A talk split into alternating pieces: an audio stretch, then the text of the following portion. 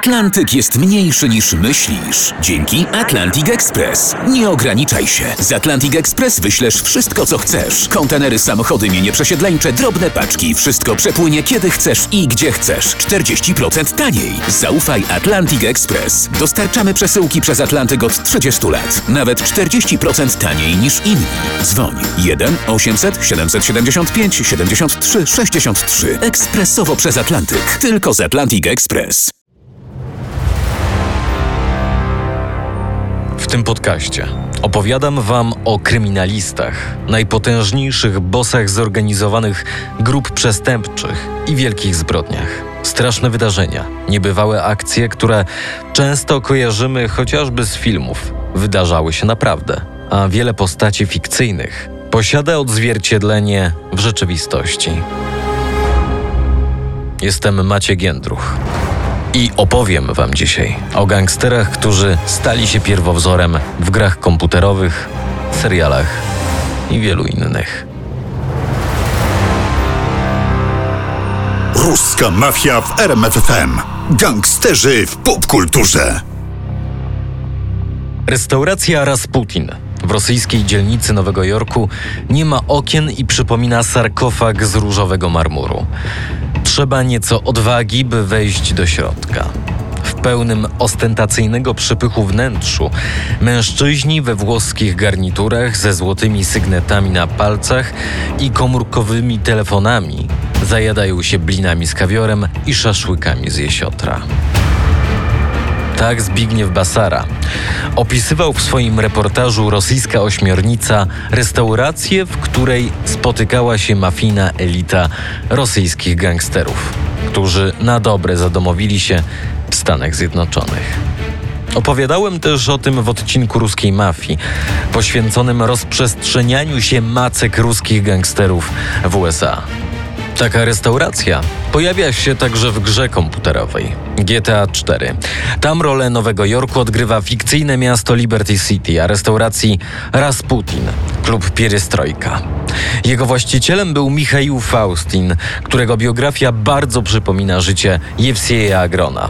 Agron urodził się w Leningradzie w 1932 roku i przybył do USA mniej więcej w czasie pierwszej fali sowieckiej migracji. Przed wyjazdem miał żonę. Poznał ją na początku lat 50.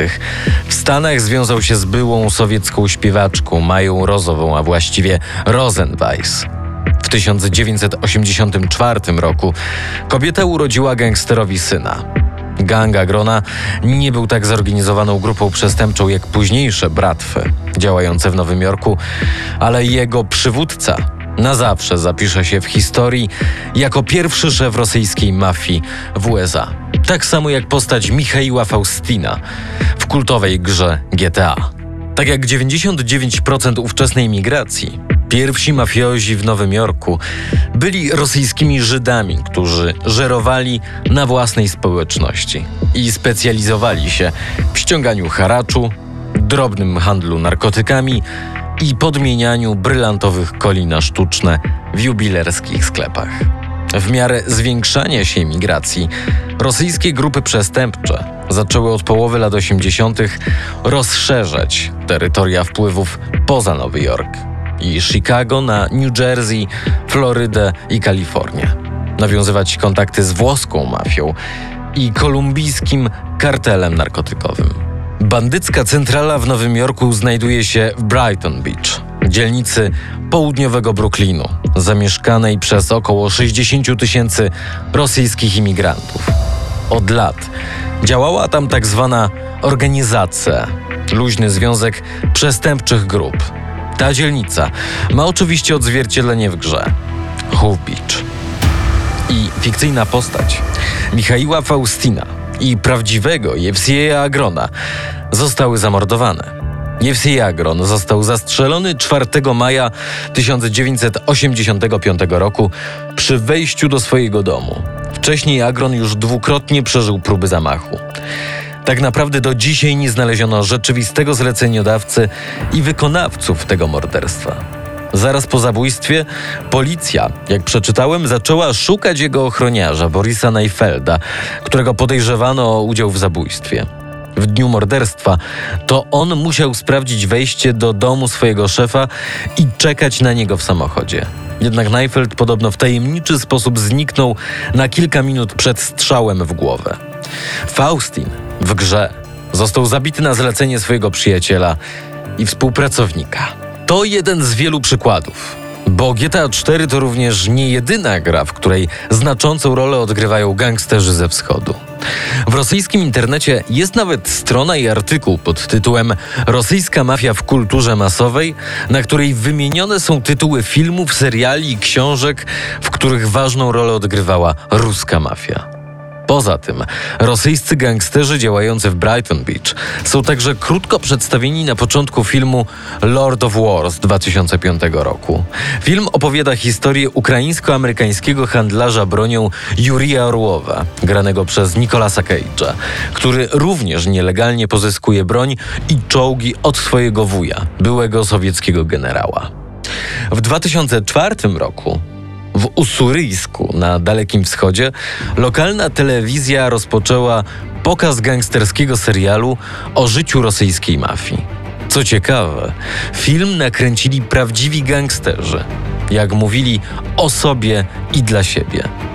Serial opowiadał o tym, jak rosyjska mafia napadała na handlarzy używanymi samochodami przywiezionymi z Japonii. Obraz miał charakter autobiograficzny. Jego autorem był hersztu suryjskich gangsterów Witalij Diomoczka, zwany Bednarzem.